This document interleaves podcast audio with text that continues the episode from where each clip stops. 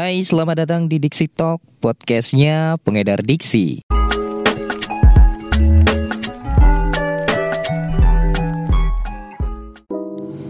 Halo teman-teman semua, akhirnya gue bisa kembali lagi menjumpai kalian di Diksi Talk, podcastnya pengedar diksi.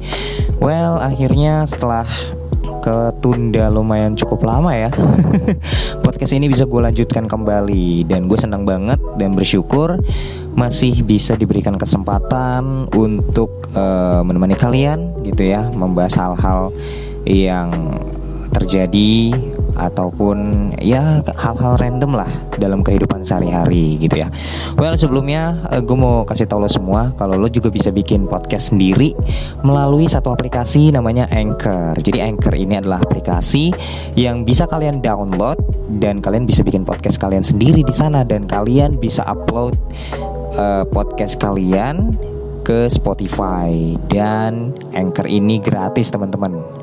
So kalian yang mau bikin podcast Mending kalian sekarang download Anchor Dan bikin podcast keren lo sekarang juga Oke untuk uh, di episode kali ini Di Talk episode 5 Gue mau membahas tentang hal yang mungkin banyak yang lagi ngalamin juga gitu ya.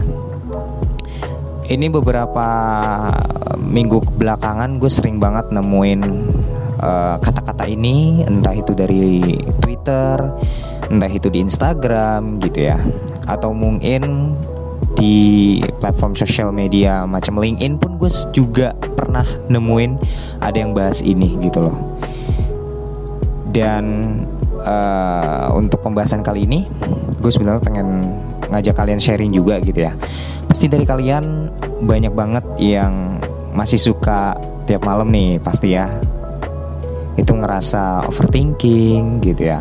Merasa khawatir dengan dirinya sendiri gitu ya. Merasa cemas gitu loh. Dan uh, masih banyak hal lainnya gitu ya. Utamanya pasti banyak lah dari kita yang mungkin masih merasa sering memikirkan eh, pikiran-pikiran uh, yang yang sebenarnya belum tentu terjadi juga gitu loh atau overthinking.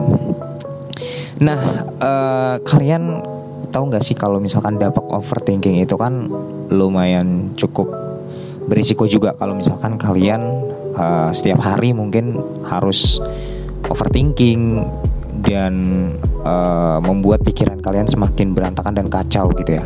Itu sebenarnya uh, berbahaya juga teman-teman. Jadi uh, sebisa mungkin ya kalian tetap harus bisa kondisikan atau kendalikan uh, kekuatan emosional jiwa kalian atau pikiran kalian agar kalian bisa tetap bikin diri kalian itu happy gitu apa pun yang lagi dijalanin. Nah, untuk kalian yang mungkin sering mengalami itu uh, gue bisa dibilang sih ini ada satu eh, kata-kata uh, atau satu kalimat yang atau istilah ya dalam ilmu psikolog disebut quarter life crisis atau quarter life crisis lah lebih gampang ya.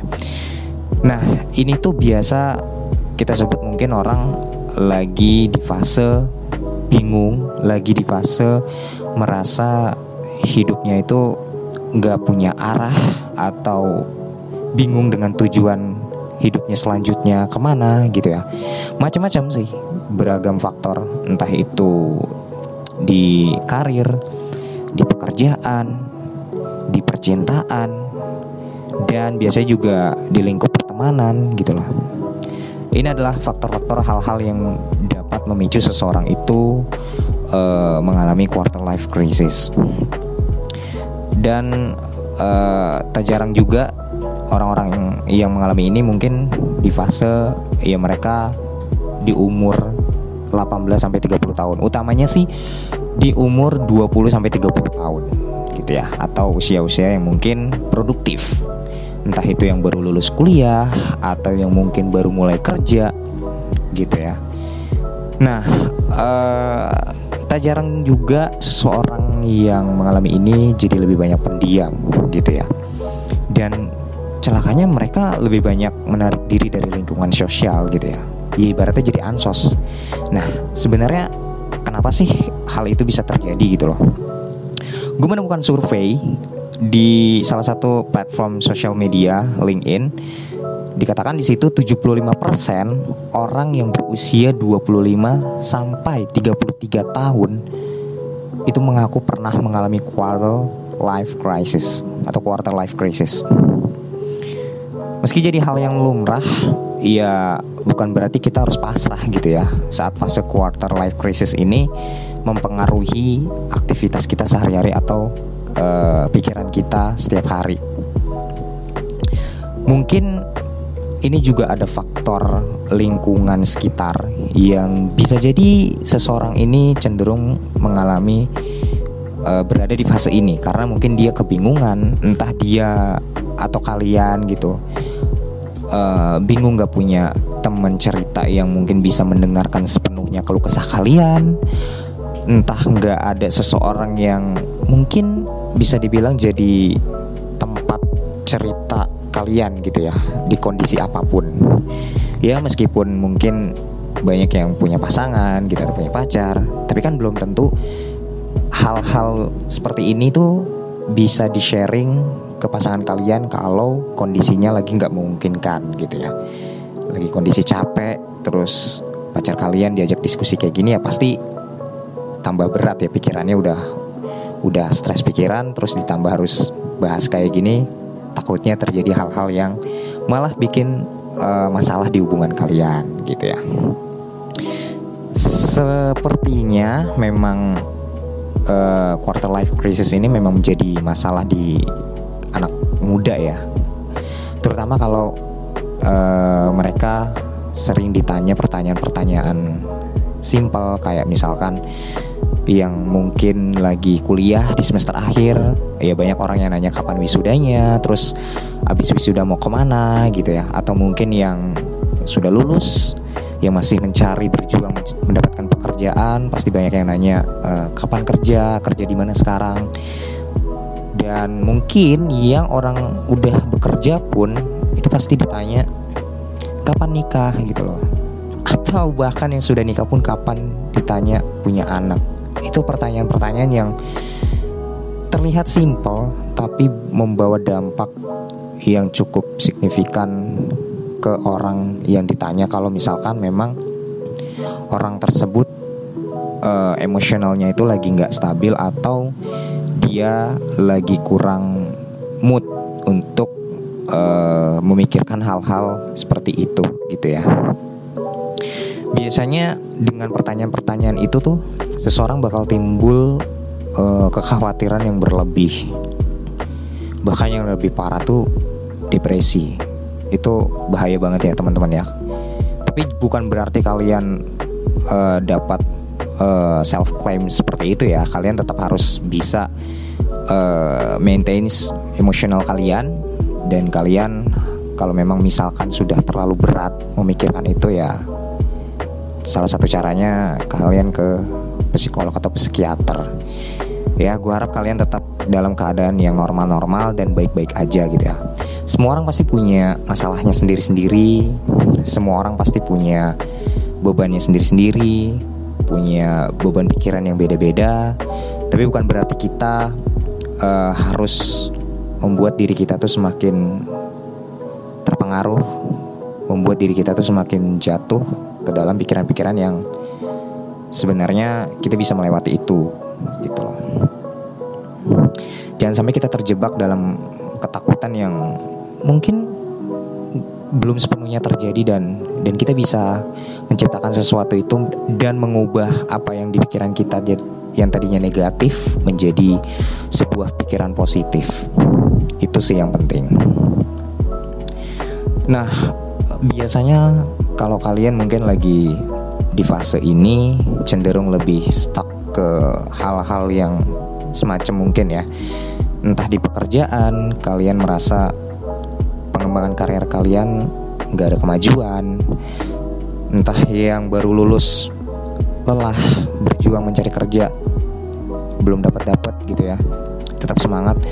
Nah itu salah satunya adalah kalian uh, ha hampir dikatakan berada di fase ini kalau kalian memang setiap malam selalu berpikiran kalau diri kalian itu useless gitu ya atau worthless.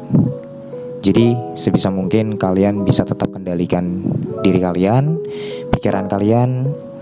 Mulai dari sekarang jangan terlalu dibawa khawatir, jangan terlalu dibawa berat. Pasti semua orang punya uh, jalan keluarnya gitu ya. Tergantung dari kita mensugestikan pikiran kita itu ya kita mau ya yang yang mikirnya yang senang-senang aja gitu ya, yang yang bisa bikin kita senang atau happy lah itu apa pun yang kita lakukan. Nah ada juga mungkin yang di tahap uh, dalam karir mereka baik-baik aja cuman mungkin mereka stuck di uh, percintaan gitu ya. Ini biasanya banyak nih yang yang mungkin di umur sekarang uh, susah menemukan seseorang yang mau diajak sama-sama bertukar pikiran gitu loh. Ataupun yang mungkin uh, bisa saling diajak diskusi hal-hal yang mungkin jadi insightful banget untuk satu sama lain. Tapi yang ada malah yang tidak seperti diharapkan gitu ya.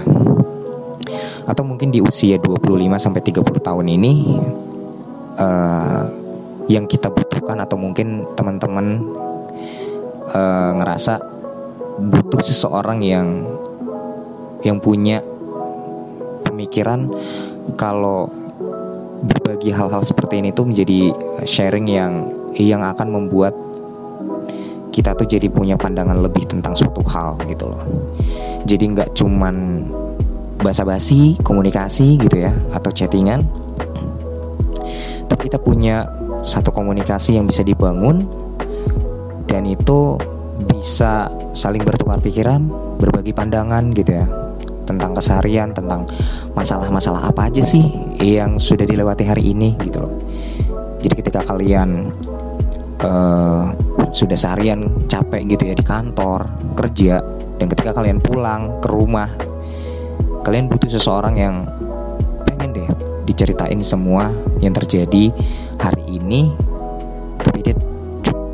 jadi pendengar dan sesekali kasih masukan atau solusi gitu bukan malah yang setiap pulang ditanya kenapa pulangnya lama, udah makan apa belum, terus hal-hal yang mungkin ya template lah. Mungkin kita dari dari kita tuh banyak yang pengen uh, menghangatkan obrolan tuh nggak cuma dari hal-hal yang seperti itu ya. Butuh seseorang yang mungkin ada effort juga untuk uh, memahami atau minimal bertanya gimana hari ini gitu loh. Apa aja yang udah kamu lewatin. Habis itu uh, dia akan memberi uh, support dan positive vibes tentang apa yang udah teman-teman lakukan atau kalian lakukan dan dia tetap menganggap kalian itu hebat dan berharga. Seseorang yang seperti itu mungkin yang yang menjadi uh, penyuntik atau bisa jadi pengobat untuk seseorang yang sedang mengalami quarter life crisis ini agar dia lebih percaya diri kalau dia itu punya support system. Dia itu punya seseorang yang nggak ngebiarin lo tuh berjuang sendirian gitu. Makanya kenapa banyak orang yang mengalami quarter life crisis itu karena mereka semakin dewasa kita juga semakin berpikir ruang lingkup kita semakin menyempit terutama lingkungan pertemanan itu mempengaruhi juga gitu loh. Siapa aja yang bisa diajak sharing itu pasti uh, kita sudah tahu gitu loh. Tapi memang ya idealnya kalau misalkan kalian lagi di fase kalian punya pasangan gitu loh kalian bisa ajak berbagi itu menjadi salah satu energi buat diri kalian sendiri loh teman-teman jadi kalian selalu punya alasan kalau misalkan kalian lagi nggak baik-baik aja dengan diri kalian sendiri atau kalian lagi ngerasa down dengan pikiran-pikiran kalian dan diri kalian sendiri kalian punya seseorang tempat kalian pulang tempat kalian mencurahkan semua apa yang terjadi ke orang itu tanpa orang itu menghakimi diri kalian. At least dia cuma jadi pendengar yang baik cuman jadi mendorong kalian bahwa kalian itu sudah melakukan yang terbaik. Gitu. Ya itulah arti support system ya mungkin ya. Kalau menurut pribadi gue gitu loh. Mungkin kalian punya pandangan lain yaitu opini kalian. Nah, jadi memang di fase quarter life crisis ini kita banyak menemukan hal-hal kompleks dalam hidup gitu ya. Yang tadi gue sebutin udah beberapa juga gitu ya dalam hal karir, pekerjaan, terus kehidupan, keluarga dan lain-lain. Itu juga jadi salah satu penyebab yang mungkin seseorang mengalami quarter life crisis ini gitu loh. Dan solusi terbaik untuk kalian dan ini juga untuk uh, reminder diri gue sendiri gitu ya. Adalah ya kita tetap fokuskan pikiran kita pada tujuan kita gitu. Setiap orang pasti punya tujuan. Setiap orang pasti punya rencana yang baik ke depannya gitu loh. Tinggal gimana kita maksimalin aja usaha kita. Ya kita fokus pada tujuan kita gitu loh. Memang apa pun yang kita tuju itu pasti nggak selalu berjalan mulus ya teman-teman.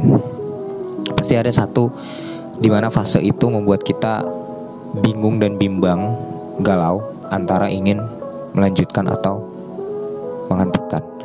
Tapi gue harap kalian tetap melanjutkan apa yang menjadi fokus kalian di awal gitu loh. Hargai setiap proses yang kalian udah bangun dengan diri kalian sejauh ini, yang kalian udah lalui sejauh ini. Kalian uh, apresiasi diri kalian sendiri itu jadi salah satu uh, solusi terbaik juga untuk kalian yang berpikir bahwa quarter life crisis ini bertahan lama. Sebenarnya tergantung dari kalian sendiri yang yang mempunyai cara untuk melewatinya dengan berbagai hal yang kalian bisa lakukan. Mulai dari hal-hal sederhana seperti sharing ke teman yang mungkin bisa dipercaya atau ke pasangan kalian sendiri. Atau mungkin kalian bisa merenungkan diri kalian sendiri dan lihat proses ke belakang gimana kalian bisa sampai pada titik ini. Gitu loh. Jadi memang kompleks sekali kalau dibilang ini masalah remeh. Ya nggak dibilang remeh juga gitu loh. Pasti semua orang punya fasenya sendiri-sendiri. Cuman yang membedakan tingkat uh, bebannya aja yang berbeda-beda kalau menurut gue ya.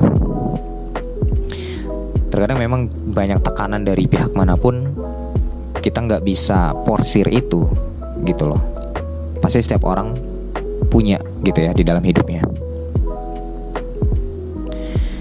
dan menurut gue juga di fase terbaik untuk melewati quarter life crisis ini ya kalian tetap mencintai diri kalian sendiri gitu loh. Jangan pernah menganggap diri kalian itu gak berguna. Jangan pernah menganggap diri kalian itu gak bisa apa-apa.